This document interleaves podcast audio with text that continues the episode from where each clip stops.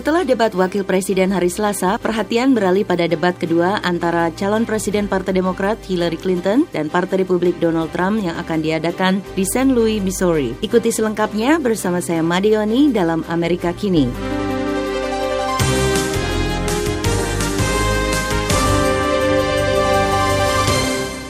Sebagian pengamat dan jajak-jajak pendapat awal menunjukkan Mike Pence dari Partai Republik unggul sedikit atas Tim Kaine dari Partai Demokrat dalam debat wakil presiden satu-satunya. Tapi Kaine secara efektif menyoroti Donald Trump selama debat yang berlangsung 90 menit itu. You can't have somebody at the top who demeans every group that he talks about. And I just, again, I cannot believe. Tim Kaine mengatakan kita tidak bisa menempatkan di posisi puncak seseorang yang menjelek-jelekkan setiap kelompok yang ia bicarakan. Dan saya tidak percaya Gubernur Pence akan membela kampanye menghina yang dilakukan Donald Trump. Pence sering memilih untuk mengabaikan serangan-serangan terhadap Trump dan mengalihkan perhatian pada Hillary Clinton. In the situation we're watching hour by hour in Syria today is is a result of the failed foreign policy and the weak foreign policy that Hillary Clinton helped lead in this administration and create. Pence mengatakan situasi yang kita saksikan setiap jam di Suriah sekarang adalah hasil kebijakan luar negeri yang gagal dan kebijakan luar negeri yang lemah yang ikut dipimpin dan diciptakan Hillary Clinton dalam pemerintahan ini. Analis Austin Hart mengatakan debat wakil presiden kecil kemungkinannya mengubah pendirian.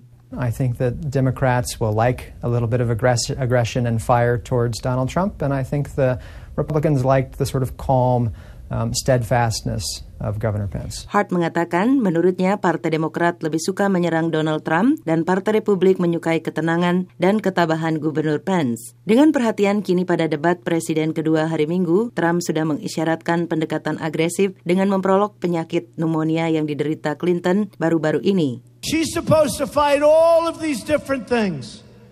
And she can't make it 15 feet to her car. Give me a break. Give me a break. Trump mengatakan ia seharusnya memperjuangkan berbagai hal dan ia bahkan tidak sanggup berjalan ke mobilnya. Yang benar saja, Clinton unggul setelah debat pertama dan ia tampaknya akan menekankan persatuan dalam debat berikutnya dengan Trump. My view is we are already great And if we work together, we will become even greater in the years ahead.